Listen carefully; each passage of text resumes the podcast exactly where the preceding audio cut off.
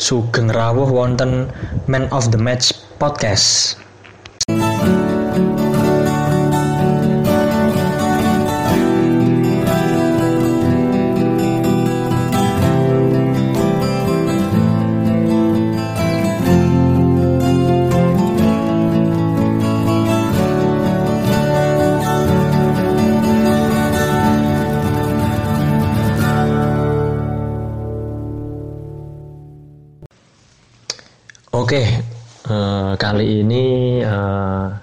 Kembali lagi untuk Anda.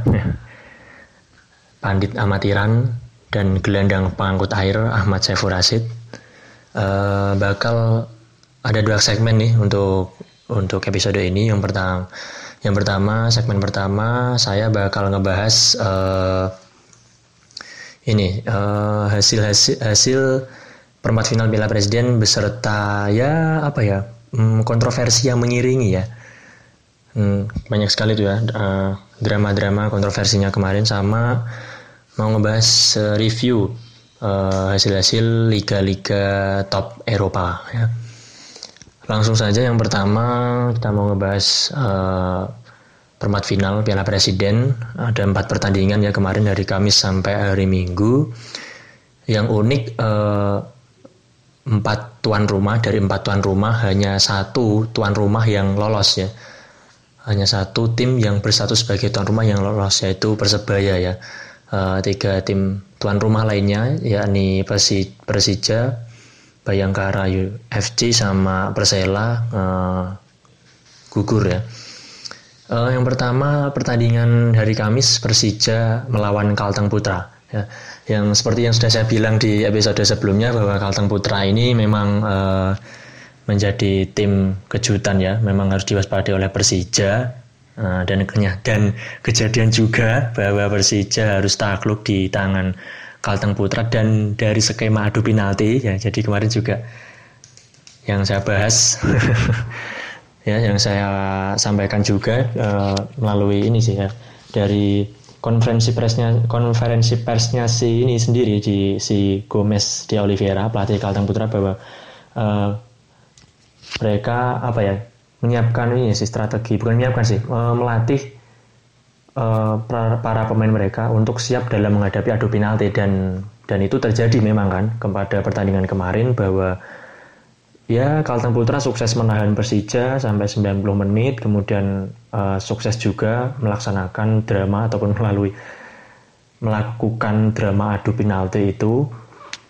Ya memang kalau dari segi eh, eh, kemarin memang ini sih nggak saya memang nggak nonton pertandingannya sih. Saya hanya nonton lewat highlightnya aja gitu, di YouTube gitu kan. Eh, memang kalau dilihat eh, sebenarnya eh, memang nggak terlalu menguasai jalannya pertandingan. Yang menguasai memang justru eh, Persija Jakarta. Namun eh, Persija gagal mengkonversi beberapa peluang untuk menjadi gol. Nah Kemudian eh, memang di luar itu eh, apa ya? Memang kemarin pemain-pemain yang diturunkan kedua tim memang cukup ya bisa dibilang full tim lah ya. Dari Persija sendiri ya Rico Simanjuntak di cadangan ya di babak kedua dimasukkan ya ya emang ini sih dari belakang ada siapa Maman kemudian Stephen Paul Ismet ya tengahnya diisi kemarin eh, Rohichan, Bruno Matos kan, kemudian depan ada Eri Susanto, sebenarnya Simic strikernya sama tahu lupa saya nggak tahu nggak tahu sama Ramdhani ya. Memang ya banyak sekali peluang baik itu pun eh, lewat eh, Heri Susanto ataupun lewat Ramdhani. Golnya pun tercipta kemarin dari crossing ya dari Dani Saputra kalau tidak salah kemudian ada sundulan kemudian di depan Bruno Matos sudah menunggu walaupun memang sebenarnya kalau dilihat dari tayangan replay itu posisi Bruno Matos jauh ya jauh di depan eh, para pemain bertahan Kalteng Putra. Dan memang jelas itu offside harusnya ya tapi ya mau gimana lagi. Memang itu sudah apa ya saya saya di episode sebelumnya juga sudah yang episode pertama memang sudah mengatakan bahwa hakim garis Indonesia itu mungkin dalam masalah offset terutama itu ku- kurang ya gimana ya ya bukan kurang pengetahuan sih tapi kurang mengamati lah gitulah itu kan memang sudah jelas ya harusnya memang offset tapi memang hakim garis ya mungkin terlalu cepat bolanya atau gimana atau memang kurang fokus jadi sehingga yang membiarkan uh, momen itu menjadi gol ya yang menjadi penyama kedudukan dari Kalteng Putra. Uh, sebelumnya Kalteng Putra mencetak gol melalui Patrick Wangga yang juga itu uh, kontroversi ya sebenarnya. Jadi memang kalau dilihat dari angle yang berbeda, dari sudut pandang yang berbeda itu terlihat bahwa Patrick Wangga itu bukan menyundul bola, tapi uh, bola itu tidak sengaja ya. Kalau menurut saya tidak sengaja diarahkan oleh tangan nya tangan Patrick Wangga ya dalam gawang. Tapi memang kalau memang dilihat dari angle yang ke dari belakang pemain memang tidak terlihat. Jadi seakan-akan memang menyundul. Tapi begitu uh, dilihat dari angle di depan uh, Patrick Wanggai ataupun di samping gawang itu terlihat jelas bahwa uh, gol Patrick Wanggai itu harusnya tidak sah ya. Harusnya uh, uh, yaitu apa? Harusnya handsball ya tapi di pertandingan itu wasit Torik Alkatiri uh, mengesahkan kedua gol kedua gol itu, gol Patrick Wangge sama gol Bruno Matos ya. Memang uh, tidak bisa disalahkan juga uh, kepemimpinan dari Torik Alkatiri, Torik Alkatiri yang kita tahu Torik Alkatiri ini uh, ya salah satu wasit di Indonesia yang sudah mempunyai lisensi AFC ya kalau tidak salah. Di pertanding uh, di pertandingan AFC pekan ini pun uh, dia uh, memimpin satu pertandingan AFC Cup. Jadi memang ya bisa dibilang kita tidak uh, apa ya tidak usah meragukan kualitas dari wasit Torik Alkatir ya namun memang kan dalam sebuah pertandingan yang berperan tidak hanya wasit tapi juga uh, hakim garis dan ya ini dan wasit penggantinya ya apalagi dalam momen-momen seperti golnya Bruno Matos sama golnya Patrick Wangga itu peran dari asisten asisten wasit dalam ini hakim garis pun juga juga apa diperlukan ya gitu. Tapi ya itu kembali lagi dengan adanya kedua momen tersebut kan memang bisa dibilang haruslah Indonesia itu semakin maju dalam hal ini PT Liga PT uh, eh, bukan ya untuk ke depannya PT Liga harus apa ya harus mengambil pelajaran lah mengambil pelajaran dari Piala Presiden ini bahwa memang teknologi harus semakin diperlukan untuk ya untuk istilahnya kelancaran pertandingan tidak ada kontroversi-kontroversi yang uh, lagi kan gitu. Dan jangan sampai eh, kejadian-kejadian uh, seperti itu terulang yang bisa dibilang apa yang membuat pemain nanti jadinya emosi. Untung memang uh, protes yang dilayangkan oleh pemain Persija kemarin tidak terlalu membuat kericuhan ya. Uh, Alhamdulillah masih aman-aman saja gitu pertandingan juga uh, setelah gol tersebut pertandingan juga berjalan dengan lancar gitu kan. Ya memang uh, kemudian kembali lagi dari segi permainan bahwa untuk penguasaan bola sendiri ya memang kemarin kalau tidak salah memang dipegang oleh Persija kemudian Sebenarnya Persija sudah berhasil mengembangkan permainan, namun ya kembali lagi konversi peluang uh, mereka cukup rendah. Kemudian ya uh, beberapa kali serangan-serangannya itu mudah dipatahkan oleh pertahanan uh, Kalteng Putra. Kemudian ya gitu, Kalteng Putra juga bertahan dengan solid gitu kan. Dan strategi yang dimainkan oleh Gomez de Oliveira cukup sukses dengan menahan imbang Persija. Kemudian uh, menang dalam adu penalti gitu. Uh, kemudian selanjutnya pertandingan hari Jumat antara Persebaya melawan PS Tira Persikabo.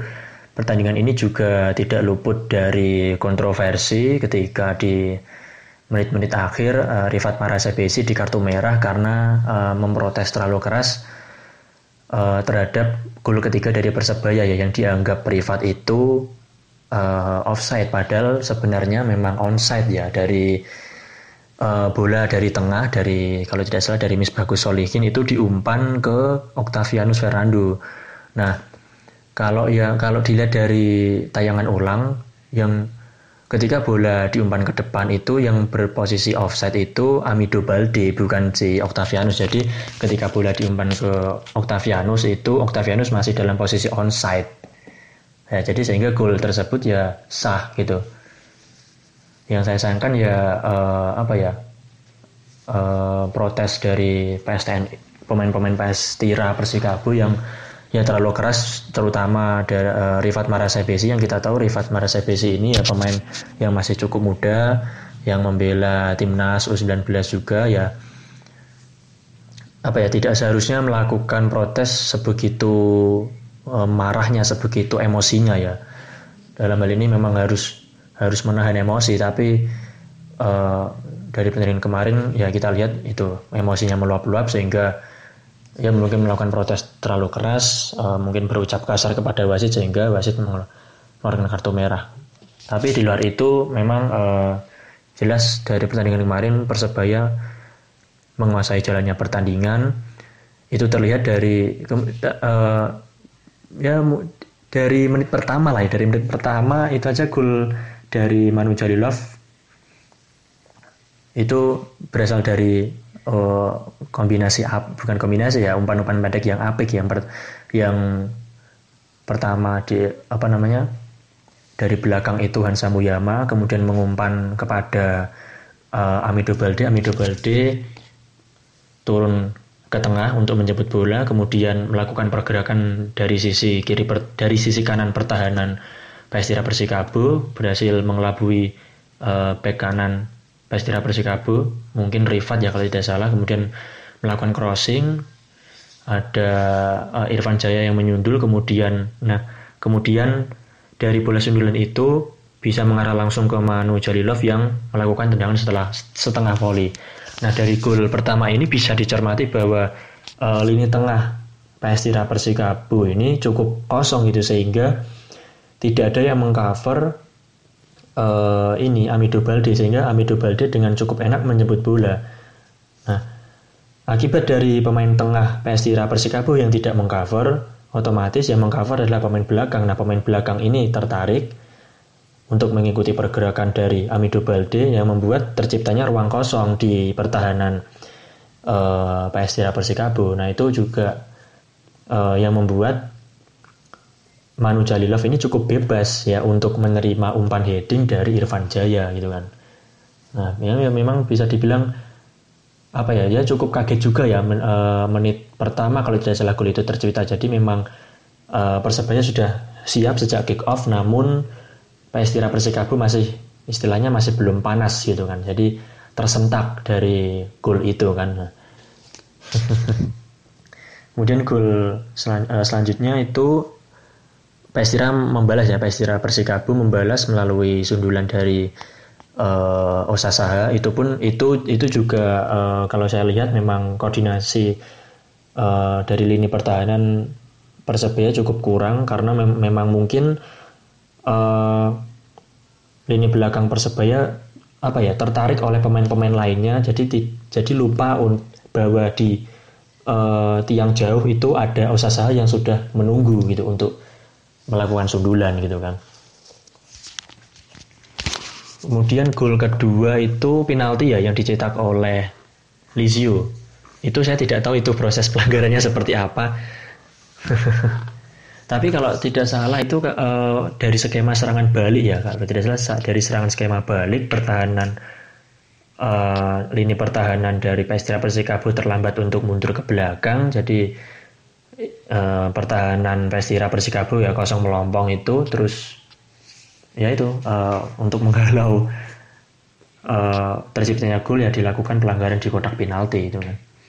Lizio ya cukup ya sebenarnya penaltinya tidak terlalu buruk sih tapi juga meng agak mengkhawatirkan karena memang hampir tidak gol karena si Angga Saputra berhasil menepis sebenarnya menepis bola. Namun memang uh, terlalu tendangan dari Lizzo ini cukup kencang juga ya jadi mungkin tidak tertahan gitu.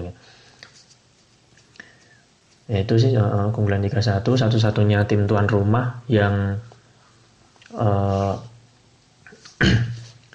yang melaju ke semifinal nah, uh, di semifinal nanti persebaya akan melawan Madura FC ya. Kemudian Kalteng Putar tadi akan melawan Arema FC di semifinal. Namun yang menarik juga dari uh, apa ya pertandingannya ya Selain memang setelah pertandingan itu uh, terjadi masih terjadi keributan ya. Jadi keributan di lapangan masih menjalar ke ini ke ruang ganti pemain. Bukan ruang ganti sih, ke dalam locker roomnya gitu, ke dalam uh. Jadi memang uh, dalam sebuah video ya saya lihat di Instagram itu memang masih terjadi keributan ataupun kericuan antara pemain PS Tira Persikabo dengan uh, ini sih dengan perangkat pertandingan ya dalam hal ini wasit mungkin karena memang uh, kalau menurut saya memang masih belum menerima keputusan dari wasit khususnya terhadap gol ketiga ya mungkin itu yang yang membuat PS, pemain-pemain PS Tira pun juga terpancing ya untuk melakukan protes ya tapi di luar itu semua ada aksi sportif juga dari para bonek yaitu uh, mereka melemparkan banyak sekali boneka ke dalam lapangan dalam rangka ini sih ya, dalam rangka untuk membantu anak-anak yang terkena kanker ya, di Surabaya. Memang kalau secara secara apa secara makna pas sih bo, bonek mereka mereka melemparkan boneka ya. Jadi memang cukup pas sih.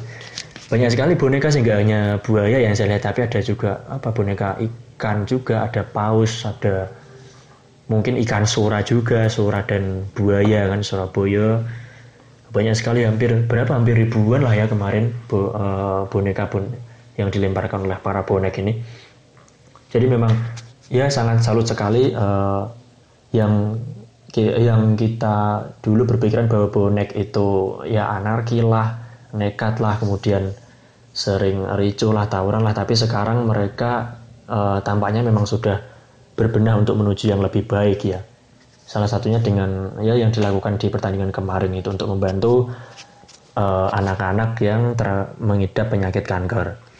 Kemudian pertandingan selanjutnya yaitu hari Sabtu Bayangkara FC melawan Arema ya. Yang ini saya nonton full di rumah karena memang ya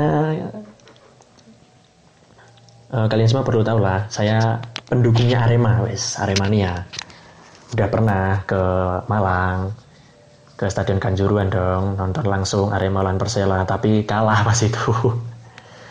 Jadi ya ya bisa dikatakan agak sedikit sia-sia tapi saya ya cukup harus menerima lah jadi uh, away saya dari kos saya di sini di Semarang ke Malang tapi ya dengan hasil yang cukup mengecewakan tapi tidak apa-apa belajar melatih mental Bayangkara FC melawan Arema FC ya.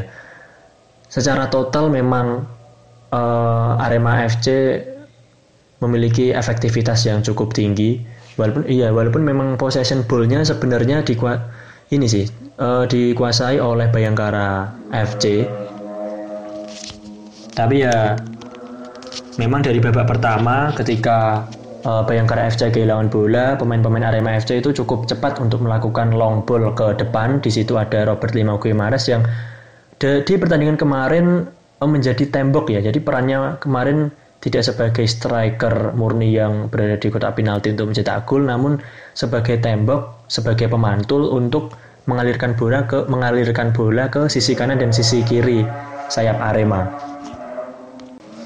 Dan peran itu sukses dilakukan oleh uh, ini ya sukses dilakukan sukses dilakukan oleh Robert Lima Guimares karena memang pemain Bayangkara kemarin pemain pemain belakang uh, Bayangkara kemarin uh, memang cukup terpancing ya untuk mengikuti pergerakan dari Robert Lima Gladiator nah. dan, dan kita tahu bahwa Robert Lima memiliki postur yang cukup kuat untuk menahan bola dan mengalirkan bola. Jadi ya kemarin cukup sukses. Jadi ada satu gol kemarin gol pertama. Ketika bola dari belakang diumpan ke Robert Lima Robert Lima berhasil menguasai bola tersebut dengan cukup tenang. Kemudian mengumpan kepada Dendi Santoso di sisi kanan kemudian melakukan uh, penetrasi ke depan kemudian melakukan umpan ke tengah yang di situ uh, sudah siap makan Konate untuk menyambut bola tersebut dan golnya cukup indah ya. Dan pertahanan Bayangkara pun tuh uh, apalagi dari di sisi kanan Ibu Tuh Gede Juniantara juga uh, terlambat untuk mengcover uh, lini pertahanan Bayangkara karena memang pada saat itu uh, Arema melakukan counter attack yang cukup cepat dan uh, pertahanan Bayangkara tidak siap untuk uh, kembali mundur ke belakangan. Dan memang uh, apa ya perta, uh, lini tengah dari Bayangkara kemarin memang kurang bermain dengan optimal. Itu terbukti dengan uh, banyaknya ruang di tengah gitu. Jadi banyak yang kosong. Jadi bola-bola dari belakang uh, lini pertahanan Arema pun cukup lancar untuk uh, mengarah ke tengah. Kemudian dari tengah ke depan itu cukup lancar tidak ada yang melakukan pressing terhadap para pemain tengah Arema jadi para pemain tengah Arema pun juga cukup leluasa untuk mengumpan ke kanan dan ke kiri dan untuk membangun serangan gitu. Ya itu gol pertama yang memang cukup apik yang dilesakan oleh uh, Makan Konate. Kemudian gol kedua pun gol kedua yang siapa ya kok lupa saya. Gol pertama, gol pertama sama gol ketiga itu Makan Konate. Gol kedua itu oh iya gol kedua itu Hamka Hamzah sang kapten. Itu dari tendangan bebas yang cukup apik oleh Makan Konate kemudian ke tiang jauh. Kemudian di situ di tiang jauh sudah siap Hamka Hamzah untuk melakukan sundulan ya. Tapi sebelum terjadi ya akibat apa namanya sebelum terjadinya tendangan bebas itu memang ada akselerasi dari Alvin Tuasalamoni untuk melakukan penetrasi akselerasi ataupun penetrasi ke tengah dan itu dilanggar oleh kemarin kemarin kalau tidak salah Reksa Maulana. Ini membuktikan bahwa uh, apa ya ya cukup kosongnya lini tengah dari Bayangkara sehingga seorang Alvin pun bisa melakukan overlapping ataupun merangsek itu pun ke tengah bukan ke pinggir kan. Biasanya kan kalau backside ke pinggir ini ke tengah ya. Dan kemudian harus dilakukan pelanggaran uh, ada tendangan bebas dari makan Konate di tiang jauh Hamka Hamzah sudah menyundul. Dan memang kredit tersendiri untuk Hamka Hamzah karena memang uh, dia seorang back yang cukup produktif bisa dikatakan seperti itu. Di SC tahun 2016 dia merupakan uh, dia seorang back yang menjadi top skor kalau tidak salah ya di liga dengan catatan 6 gol atau berapa ya. Itu menjadikan Hamka sebagai back terproduktif ya waktu itu. Dan kemudian uh, sundulan yang dilakukan Hamka pun cukup baik karena uh, apa ya melalui ini sih kedua kaki dari Wahyu Trinugroho atau bisa dibilang kolong lah sundulan itu. Jadi dipantulkan ke tanah Wahyu Trinugroho melompatnya.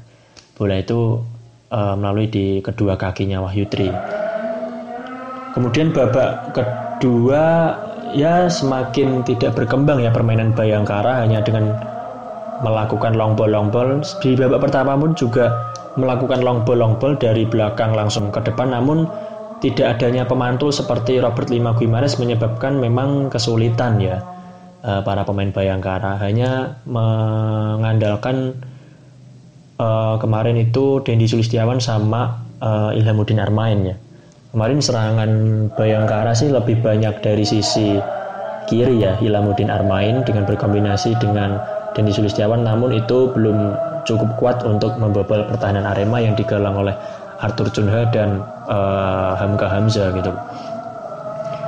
Ya dan serangan-serangan yang dilakukan oleh Bayangkara pun kemarin cukup mudah untuk dipatahkan karena memang sudah tertebak uh, umpannya mau uh, diarahkan ke mana. Kemudian memang juga hanya satu dua pemain yang di situ tidak ada kombinasi ataupun tidak ada dukungan dari second line dari lini tengah Bayangkara yang membuat ya gitu uh, mudah dipatahkan mudah diintercept umpan-umpan lambung dari uh, perta, apa dari lini belakang Bayangkara ataupun memang pergerakan Ilhamuddin ataupun Vendrimovu ataupun ya Vendrimovu yang mudah di mudah diantisipasi oleh uh, pertahanan Arema.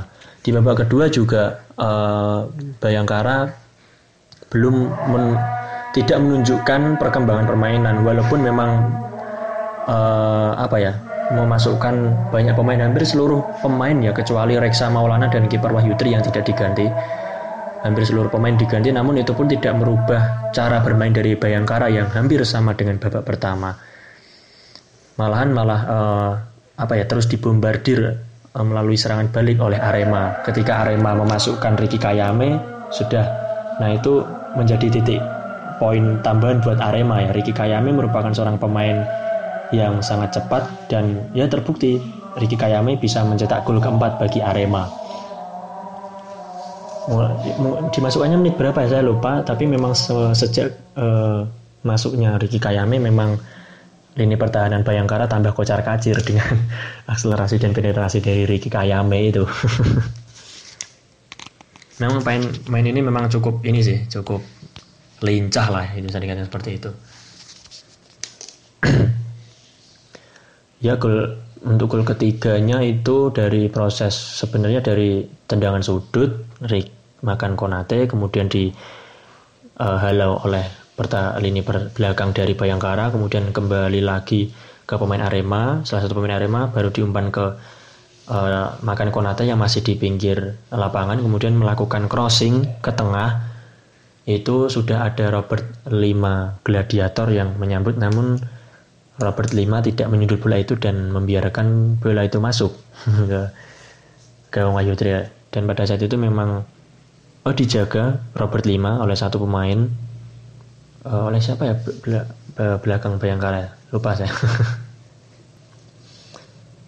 Oleh salah satu pemain belakang Bayangkara. Namun ya Wahyu Tri memang apa ya Pak mungkin pandangannya itu terhalang oleh kedua pemain ini sehingga ketika Robert Lima membiarkan bola itu ya bola itu langsung masuk ke dalam gawang. Karena memang praktis memang memang uh, tidak ada pemain lagi ya selain Robert Lima pemain belakang dari Bayangkara dan Wahyu Tri ya umpannya memang ya memang cukup cukup uh, tepat juga ya umpan yang dilesakan oleh Makan Konate. Jadi kan gol ketiga yang memang memang semakin uh, apa ya melemahkan lah ya, semakin membuat mental bertanding Bayangkara turun gitu walaupun ya memasukkan beberapa pemain beberapa pemain depan ya kemarin dimasukkan Jajang Mulyana, Hirman Zumafoe Pandi, kemudian Alsan Sanda.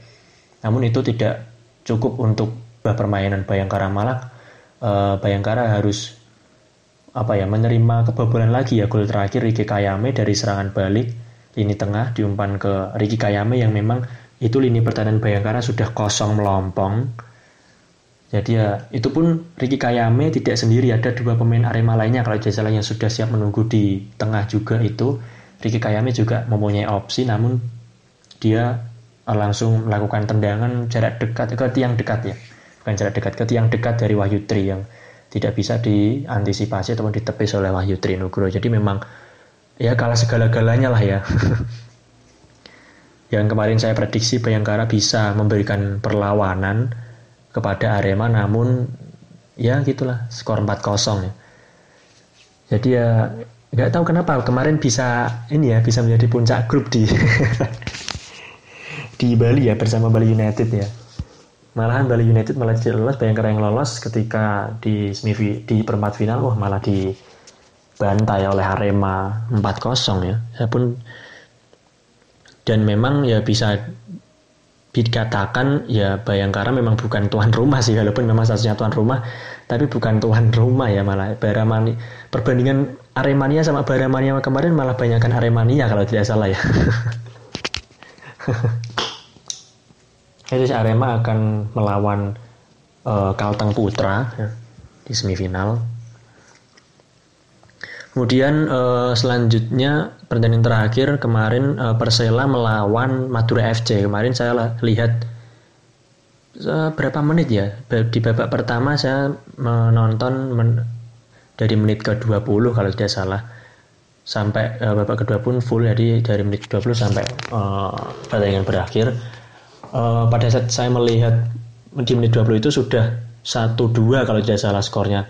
Jadi kemar jadi di pertandingan kemarin di menit pertama atau menit kedua itu sudah tercipta dua gol dari yang pertama dari Beto memanfaatkan asis dari Zahran Kerangar kemudian dibalas cukup cepat juga oleh uh, Brandau striker Persela. Nah, uh, dari dua gol uh, Madura United kemarin itu uh, berasal dari crossing yang uh, dari ini uh, pertahanan kanan Persela ya. Jadi memang yang pertama kemarin Zarahan berhasil melakukan penetrasi dan uh, ya gerakan mengelabui ini Eki, Eki Taufik ya kalau tidak salah uh, bek kanan dari Persela kemudian gol kedua umpan dari Randy Karama berhasil dikonversi gol oleh uh, Alexander Rakic ya jadi memang ya kemarin memang mungkin itu pun ini prediksi eh, ini perkiraan saya aja sih. Mungkin uh, kedua fullback dari Persela memang diinstruksikan untuk membantu penyerangan khususnya Eki Taufik namun ya itu tadi ya mungkin kehilangan bola ataupun lini tengah dari Persela gagal melakukan umpan dengan baik sehingga dilakukan serangan atau dibangun serangan dari Madura yang yang uh, melalui sisi kanan pertahanan Persela ya itu bisa menghasilkan dua gol. Gitu kan dan ya kita harus tahu juga bahwa memang duet uh, Beto dan Rakic ini memang cukup membahayakan ya apalagi Rakic menjadi top skor uh, Liga 1 musim kemarin. Walaupun dari PS Tira namun bisa menjadi top skor itu cukup ya prestasi cukup membanggakan ya tim yang berjuang lolos degradasi. Salah satu strikernya bisa menjadi top skor. Itu sih itu kemudian bisa dibalas oleh Brando cukup cepat namun Alexander Rakic bisa mengembalikan keunggulan Madura United dan sampai pertandingan berakhir tidak ada gol yang tercipta uh, setelah 2-1 itu saya melihat pertandingan ya memang ya serangan yang dibangun Persela sebenarnya cukup monoton juga. Jadi pertandingan berhasil dikuasai oleh Persela namun serangan yang dibangun itu cukup monoton dan cukup ya apa ya cukup ini sih mudah dipatahkan dan memang mainnya itu kurang kurang apa ya bisa dikatakan kurang semangat gitulah uh, beda ketika saya melihat Persela melawan Arema FC itu memang benar-benar melakukan pressing tinggi kepada para pemain Arema dan dan di pertandingan kemarin itu tidak dilakukan oleh para pemain Persela. Jadi uh, para pemain Madura ketika memegang bola tidak ada uh, high press gitu kan, tidak ada pressing yang dilakukan oleh para pemain Persela. Jadi di sehingga di awal babak kedua pun sampai menit ke 50-an atau 60 itu uh, Madura juga cukup banyak memiliki peluang untuk bisa dijadikan gol ya itu eh, melalui pergerakan dari Zarahan, dari Andik, Firmansyah, dari Randy Karama ya memang kemarin memang serangan dari Madura kebanyakan dilakukan di sisi kiri Madura yang ada Zarahan dan uh, Randy Karama ya. Randy Karama juga melaksanakan tugasnya dengan baik untuk melakukan overlapping dan bertahan juga ya cukup baik. Kemarin se sebenarnya memang ada beberapa peluang yang sebenarnya bisa di, di konversi menjadi gol ya namun memang uh, ya uh, sedikit kurang beruntung dan kecemerlangan dari Dwi Kuswanto juga yang membuat Madura tidak bisa menambah gol ya kemarin ada peluang dari uh, Andik Firmansyah ketika itu di posisi sudah di agak sedikit beberapa meter di uh, luar kotak penalti gitu ya sekitar 2, uh, 15 meter dari gawang tinggal shoot tapi masih bisa diblok oleh pertahanan Arema dan tepis oleh eh pertahanan Arema, pertahanan Persela dan uh, kiper Dwi Kuswanto. Kemudian ada juga crossing dari kiri dari Zaran ataupun Randy Karama berhasil crossing ke tengah di situ sudah siap oh ya dari Randy Karama sudah siap Beto dan Zaran namun Beto dan Zaran malah uh, berebut sehingga tidak menjadi gol. Di sisi lain Persela juga uh, ya cukup memiliki peluang juga uh, yang paling harus menjadi gol, yang paling bisa menjadi gol itu tendangan bebas dari Jose Sosa namun mengenai Mister Gawang dari Emrido. Jadi juga kurang beruntung juga uh, Persela Lamongan. Ya namun uh, yang ya patut kita apresiasi dari Persela bahwa sebenarnya kan tidak diunggulkan untuk menjadi pemuncak grup namun bisa lolos dari fase grup uh, dengan satu sebagai pemuncak grup mengalahkan Arema FC itu juga sebenarnya sudah bisa dikatakan sebagai prestasi yang cukup ya membangga cukup baik lah yang dilakukan oleh Persela ya gitu ya itu itu aja sih mungkin mm -hmm. Semifinal uh, Arema FC melawan uh, Kalteng Putra. Oh ya untuk untuk untuk apa ya untuk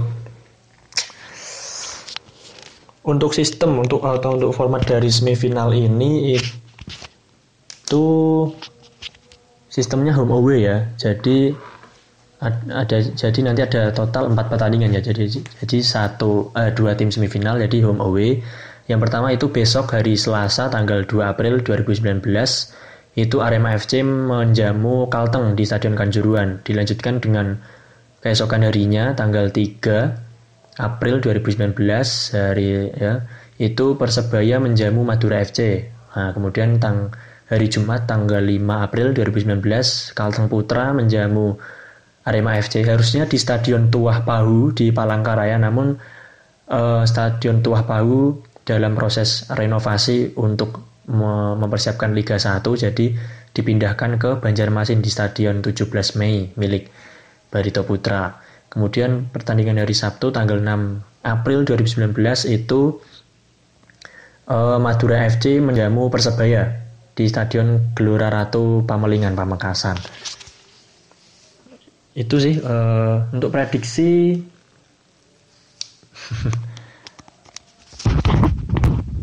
prediksi ya prediksi sekarang apa nanti aja ya di segmen khusus ya. Mungkin itu aja sih untuk prediksi. Nanti biar sekalian saya uh, gabung aja dengan prediksi bukan prediksi untuk analisa di pertandingan Liga Liga Eropa di tengah pekan ini. Karena memang uh, semifinal Piala Presiden ini juga berbarengan dengan midweek liga-liga top Eropa ya. Jadi di tengah pekan ini ada beberapa liga di Eropa. Ada pertandingan. Itu mungkin di segmen pertama.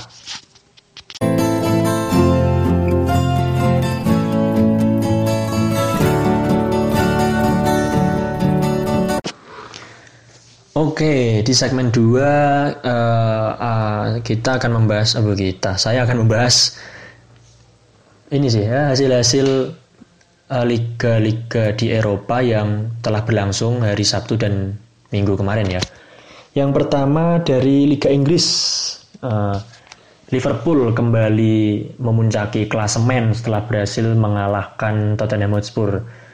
Jadi ketika hari Sabtu Manchester City menang 2-1 yang memang sudah saya prediksi juga memang bakal menang. Walaupun memang skornya 2-1 uh, bisa dibilang bahwa Fulham juga cukup memberikan perlawanan ya. Sama ketika Fulham bisa hampir menahan imbang Liverpool walaupun juga kalah dengan skor yang sama 2-1 sama dengan kalah dengan Manchester City. Ya, Liverpool, uh, hari Minggunya Liverpool uh, menjamu Tottenham Hotspur di Anfield. Itu juga saya tidak menonton pertandingan karena sudah tidur karena keesokan harinya atau hari ini hari Senin itu kerja. Jadi saya tidur cepat biar nggak ngantuk pas kerja karena pertandingannya kalau tidak salah jam setengah 12 ya. Jadi saya saya, saya nontonnya lewat highlight. Uh, lewat highlight dan statistik. Kalau dari statistik pun sebenarnya possessionnya tidak ada yang lebih unggul satu sama lain ya. 49% berbanding 51% tapi lupa yang unggul siapa.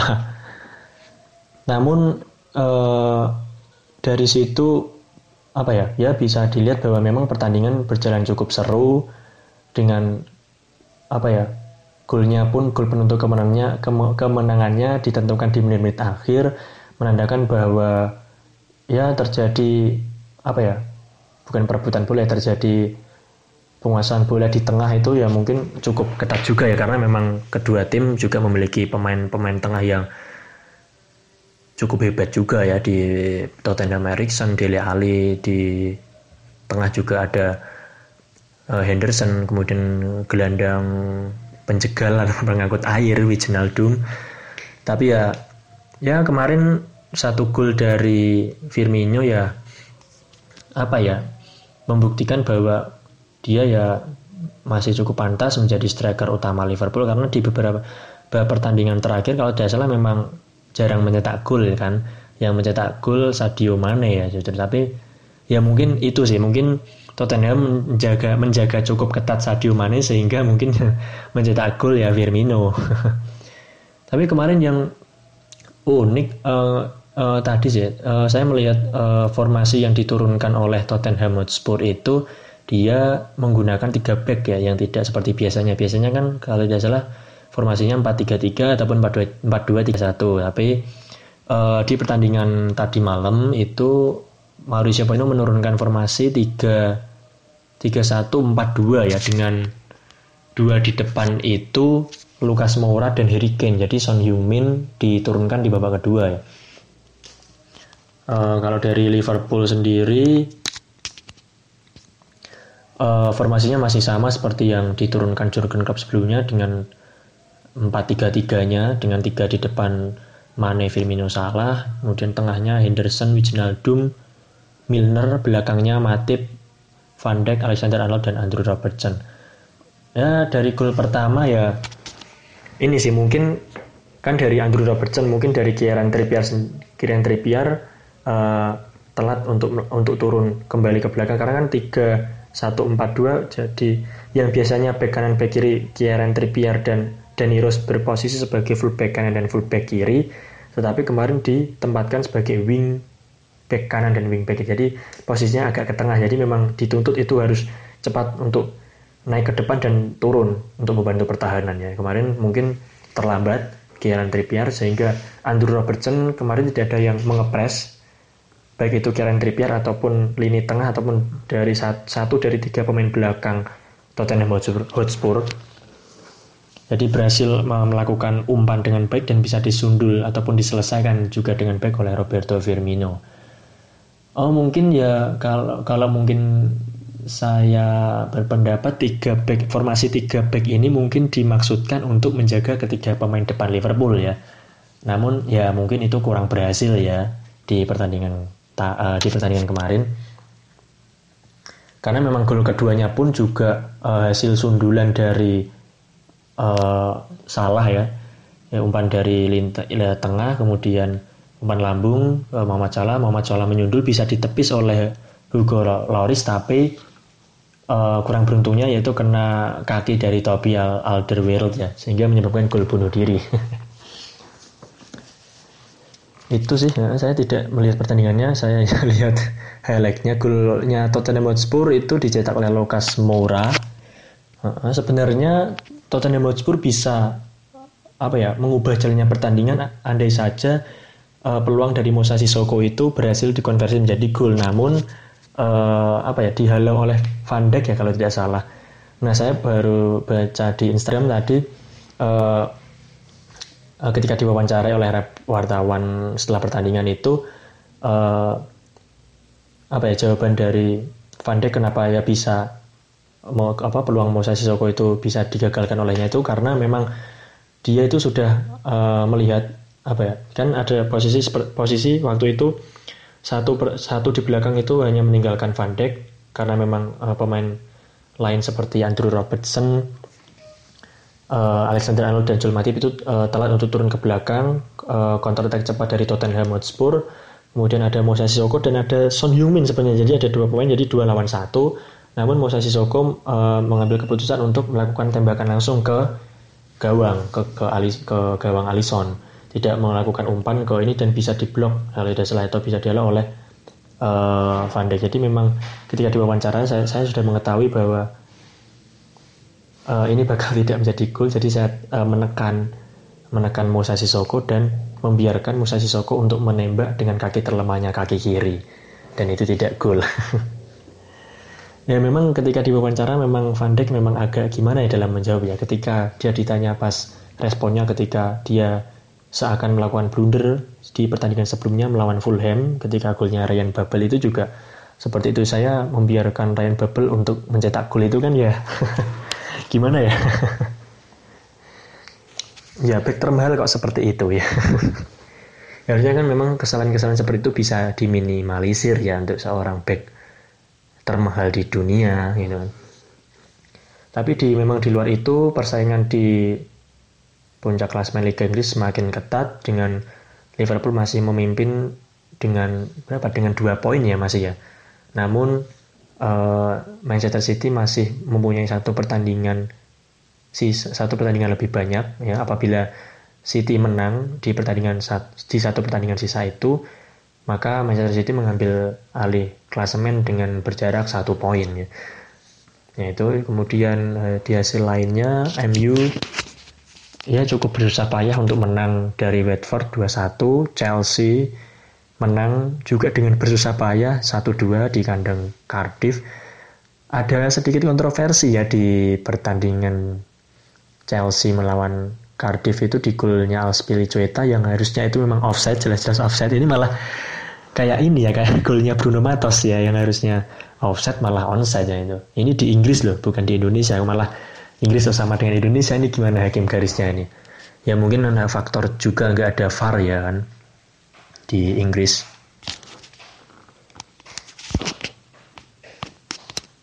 Jadi ya ya begitulah.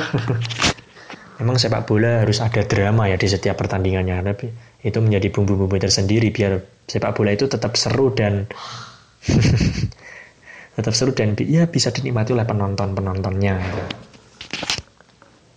Uh, ya, kemarin di pertandingan kemarin tertinggal terlebih dahulu ya uh, oleh Victor Camarasa.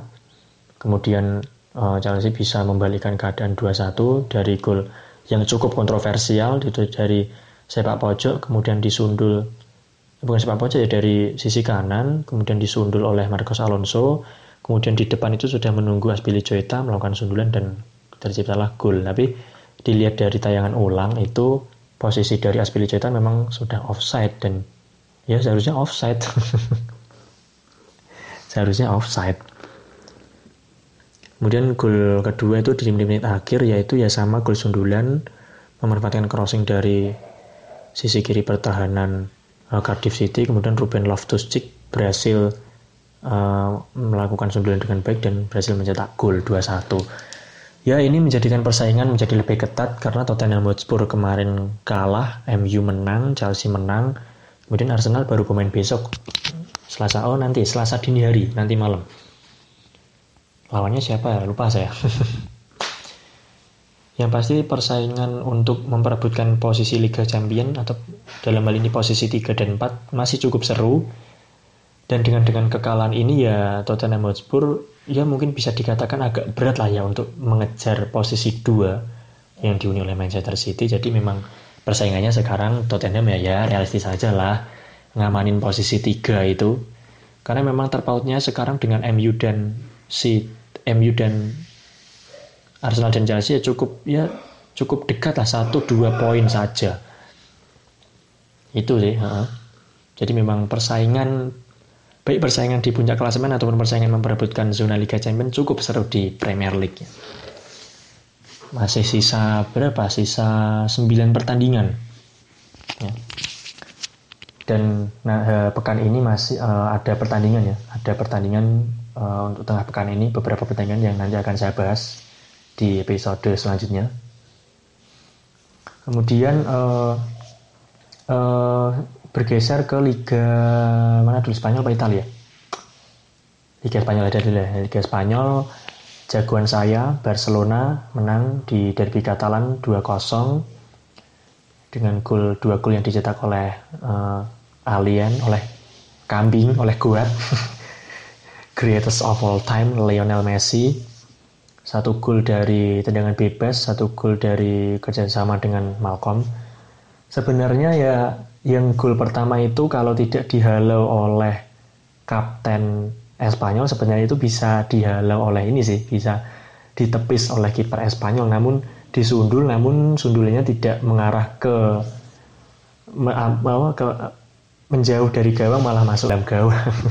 Tapi masih dianggap gol oleh Messi sih. Dan ini membuktikan bahwa Messi memang ya bisa dibilang sebagai raja free kick lah di Liga Spanyol. Karena di musim ini saja beberapa kali Messi mencetak gol yang cukup indah melalui tendangan bebas ya. ya terus kemudian gol kedua kerjasama dari Malcolm. Malcolm juga tam, uh, tampil sebagai pemain pengganti juga cukup apik pergerakan pergerakan, dari sisi kiri bisa mengobrak-abrik uh, pertahanan Espanyol. Gol kedua ya tercipta karena perannya bisa melakukan penetrasi ke depan kemudian mengirimkan itu ya umpan umpannya berasal dari Messi sih. Jadi dari belakang kalau tidak salah dari Sergio Busquets atau Pique umpan Messi Messi seperti biasa diberikan kebebasan untuk bergerak kali ini mendekat ke tengah kemudian menerima umpan dari belakang itu dari tengah kemudian Messi melakukan umpan ke Malcolm kemudian Malcolm melakukan penetrasi dari sisi kiri kemudian Messi langsung dengan cepat menuju ke depan menuju yang kemudian Malcolm melakukan umpan, kemudian Messi siap untuk menyambarnya dan menjadi gol. Itu seperti gol template sih memang. memang golnya Messi memang kebanyakan seperti itu biasanya dilakukan dengan Jordi Alba. Jadi dari Messi Jordi Alba Jordi Alba Messi kemarin Messi Malcolm Messi ya saya ingat kalau gol seperti itu memang ingat golnya ini sih gol ketika melawan Madrid ya yang dengan skor menang 3-2 menang di menit-menit akhir. Ya ketika itu uh, Alba memberikan umpan kepada Messi dan ini bisa dikonversi menjadi gol ya. Ya dengan dua golnya itu kemarin ada catatan ada catatan uh, rekor ya yang dicatatkan Messi yaitu uh, ini sebagai pemain dengan kemenangan terbanyak ya menyamai rekornya Iker Casillas. Mm -hmm. ya jadi dengan penampilan yang lebih sedikit dari Iker Casillas namun kemenangannya menyamai Iker Casillas yaitu memang ya gimana ya memang sudah kalau bisa dibilang memang raja lah Messi apalagi semenjak kepergian Ronaldo ya bisa dikatakan Messi udah nggak ada saingannya lagi. Baik gol baik itu pun gol ataupun asis sekarang masih di uh, pimpin oleh Messi kan gitu. Kemarin uh, saya baca di ini di Instagram di Gol kalau dia tidak salah itu uh, Messi mengatakan bahwa sangat merindukan Ronaldo gitu. Walaupun memang Ronaldo memang uh, apa ya Ronaldo bersama Real Madrid jarang menjuarai Liga Spanyol baru dua kali kalau tidak salah ya memang itu tadi memang uh, seperti kehilangan salah satu ruhnya lah gitu Liga Spanyol jadi ketika kedatangan Ronaldo kan memang seakan-akan Messi mempunyai saingan dan ya selama 8 tahun atau hampir 9 tahun Ronaldo di Spanyol memang ya memang ya bisa dikatakan memang cukup memberikan persaingan yang berarti bagi Messi ataupun Real Madrid memberikan persaingan yang cukup uh, cukup ketat bagi Barcelona ya. Nah, namun di musim ini ketika Ronaldo sudah pindah ke Juventus ya bisa dilihat ke, ketika El Clasico sekarang ya sudah gimana sudah agak agak kurang prestisnya lah kan gitu kan dengan tidak ada hadirnya Ronaldo banyak orang yang mengatakan bahwa ini Ronaldo apa Ronaldo udah nggak ada di Madrid nah pasti ah, kalah lah lawan Barca kan ya banyak orang yang akan beranggapan seperti itu kan gitu. Dan memang ya itu ya dan itu terjadi kan. Kemarin tiga kali El Clasico tiga tiganya dimenangkan oleh Barcelona. Oh bukan tiga ya? Dua kemenangan satu imbang aja itu dari Barca kemudian ia masih menjaga jarak 10 poin dengan Atletico karena Atletico ternyata tidak sesuai dengan prediksi saya karena uh, meraih kemenangan yang cukup mudah bisa dikatakan seperti itu dari Alaves 4-0 dengan gol-golnya yang sangat-sangat spektakuler ya kalau dilihat. 4 gol tercipta 3 gol kalau tidak salah golnya bagus-bagus sih. Kemarin dari Thomas Partey Diego Costa kemarin saya lihat dari highlightnya sih. Golnya cukup bagus ya. Hmm, ya dengan kekalahan ini Alaves ya masih di posisi kelima sih ya. Namun uh, jarak dengan Valencia dan Sevilla. Valencia kemarin menang 1-0 lawan Sevilla. Jadi ya cukup ketat ya untuk persaingan untuk memperebutkan posisi 4 ataupun slot terakhir Liga Champion. Kemarin juga Getafe pun uh, secara secara apa ya bukan secara tidak juga sih. Getafe juga kalah kemarin ya. Lawan apa kita kemarin? Kita kalah lawan Girona atau lupa saya.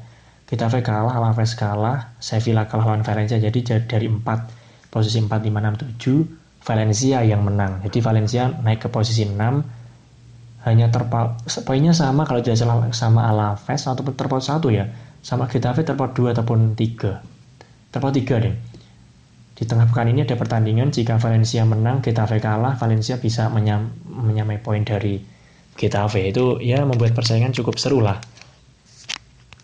Ya terus juga kemarin juga Real Madrid menang 3-2 melawan Huesca ya. Seperti kita tahu kedatangan kedatangan Zidane memberikan angin tersendiri, memberikan asa tersendiri, memberikan kebangkitan tersendiri untuk skuad Los Galacticos Ya dari tiga pertandingan liga yang telah dilalui semuanya disapu bersih dengan kemenangan. Namun ya yang saya salut uh, kemarin itu Huesca ya bisa memberikan istilahnya perlawanan lah ya. Terbukti dengan dua gol yang diciptakan, skornya pun tidak terlalu mencolok, 3-2 skor tipis, membuktikan bahwa uh, tim promosi ini juga ya bisa dikatakan juga bisa menyulitkan beberapa tim besar lah ya. Huesca ini. Ya dengan kemenangan ini pun saya tidak melihat pertandingan Real Madrid Barca saya hanya lihat dari highlight. uh, yang ngegulin siapa kemarin ya Benzema Benzema terus siapa lagi ya Isco nah. Isco Benzema sama satu lagi lupa saya itu sih mm -hmm. ya dengan kemenang pertanding duh kan belibetan dan kemenangan kemarin berarti masih menempel ketat Atletico masih terpaut dua poin Real Madrid posisi 3 Atletico posisi 2 itu sih dari Liga Spanyol. Ya untuk persaingan puncak klasemen tidak terlalu ketat lah ya. Tidak terlalu ketat seperti Liga Inggris namun persaingan untuk memperebutkan posisi 4 ini yang ketat ini. Ada 4 tim ya, yang memperebutkan posisi 4 atau slot terakhir Liga Champion itu dari Liga Italia Liga Italia Liga Spanyol. Bergeser ke Liga Italia. Pertandingan Il Grande Partita, pertandingan big matchnya istilahnya.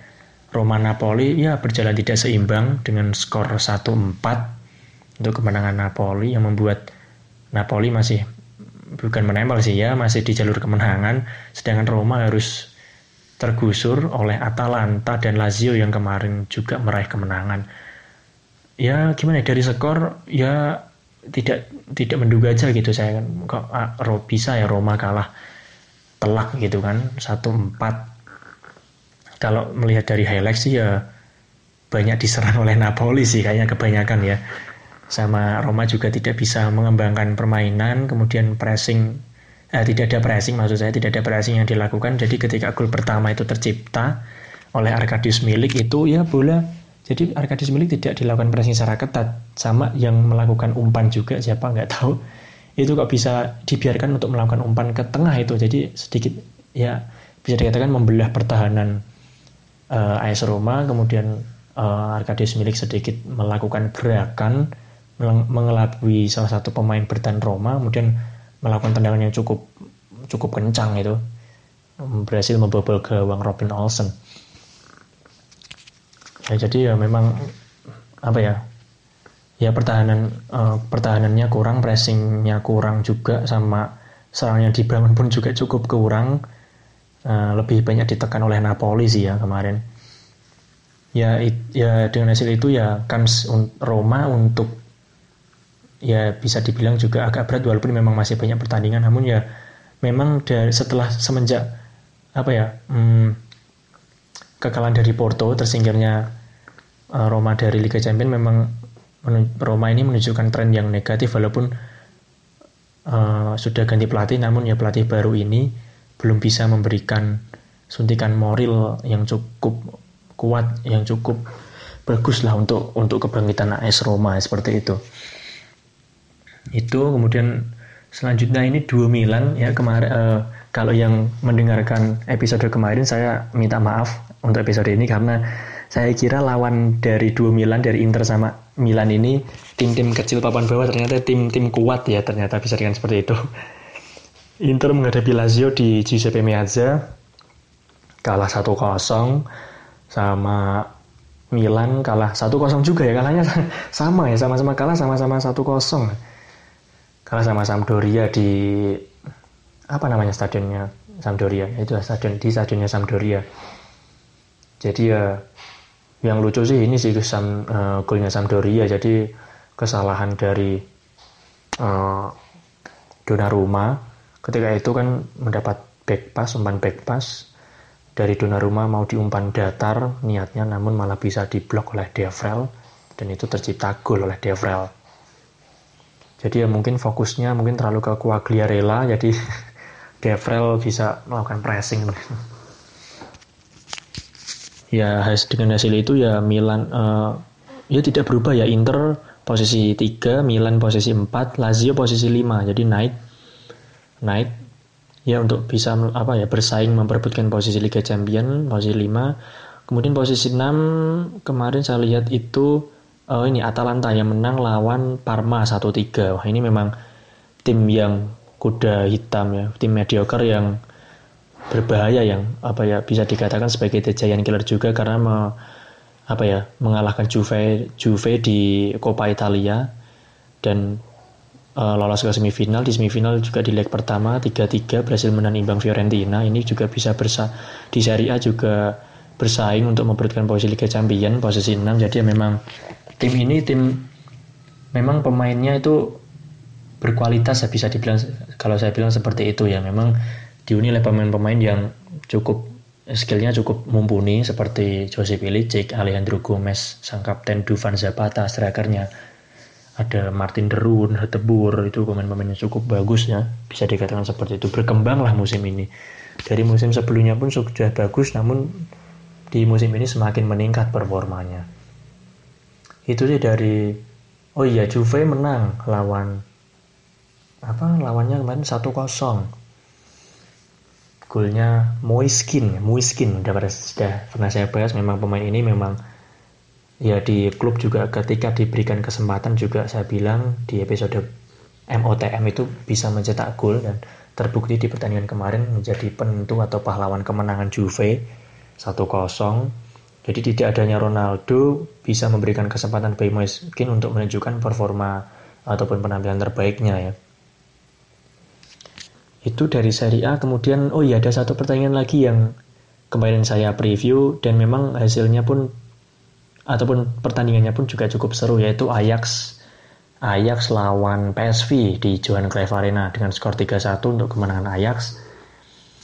Ya dengan hasil ini ya uh, Ajax memangkas jarak poin menjadi dua poin yang sebelumnya lima poin dari jalannya pertandingan saya, juga tidak melihat ini Nah itu kenapa kebanyakan malah kemarin malah ini ya nggak ngelihat pertandingan sih soalnya memang ada acara sih ada banyak acara di Sabtu Minggu kemarin. Lihat dari highlight dari Fox apa Fox Sport uh -uh. itu hmm, gol pertama uh, crossing dari Hakim Ziyech itu salah diantisipasi oleh salah satu backnya PSV jadi sehingga tercipta gol bunuh diri.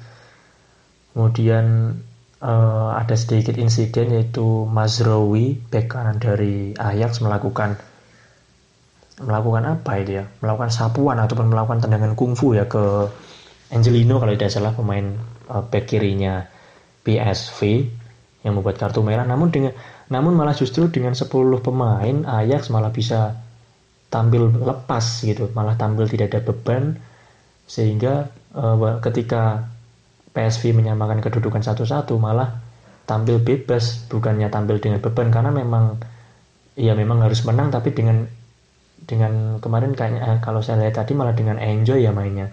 Bisa menghasilkan dua gol lanjutan dua gol lanjutan dua gol berikutnya penalti Dusan tadi sama uh, aksi dari David Neres David Neres ya pemain yang cukup ya oh bisa katakan underrated lah ya.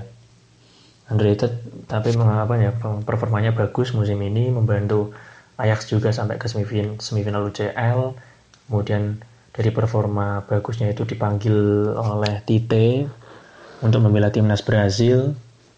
Sebuah ya pencapaian yang luar biasa bagi David Neres pemain muda Ajax. Itu sih uh. Oh ya nah tengah pekan nanti juga Liga Belanda juga akan memainkan pertandingan jadi juga cukup seru juga. Ini persaingan di Liga Belanda jadi ada di Liga Inggris cukup ketat di Liga Belanda juga cukup ketat. Oh ya di Liga Jerman oh ya mau terakhir ya mau bahas Liga uh, persaingan di Liga Jerman. Nah, kalau Liga Prancis mah PSG lah juaranya. Menang 1-0 lawan Toulouse sudah semakin jauh dari Lille dan Lyon. Dari Liga Jerman oh ya kita bergeser Liga Jerman. Liga Jerman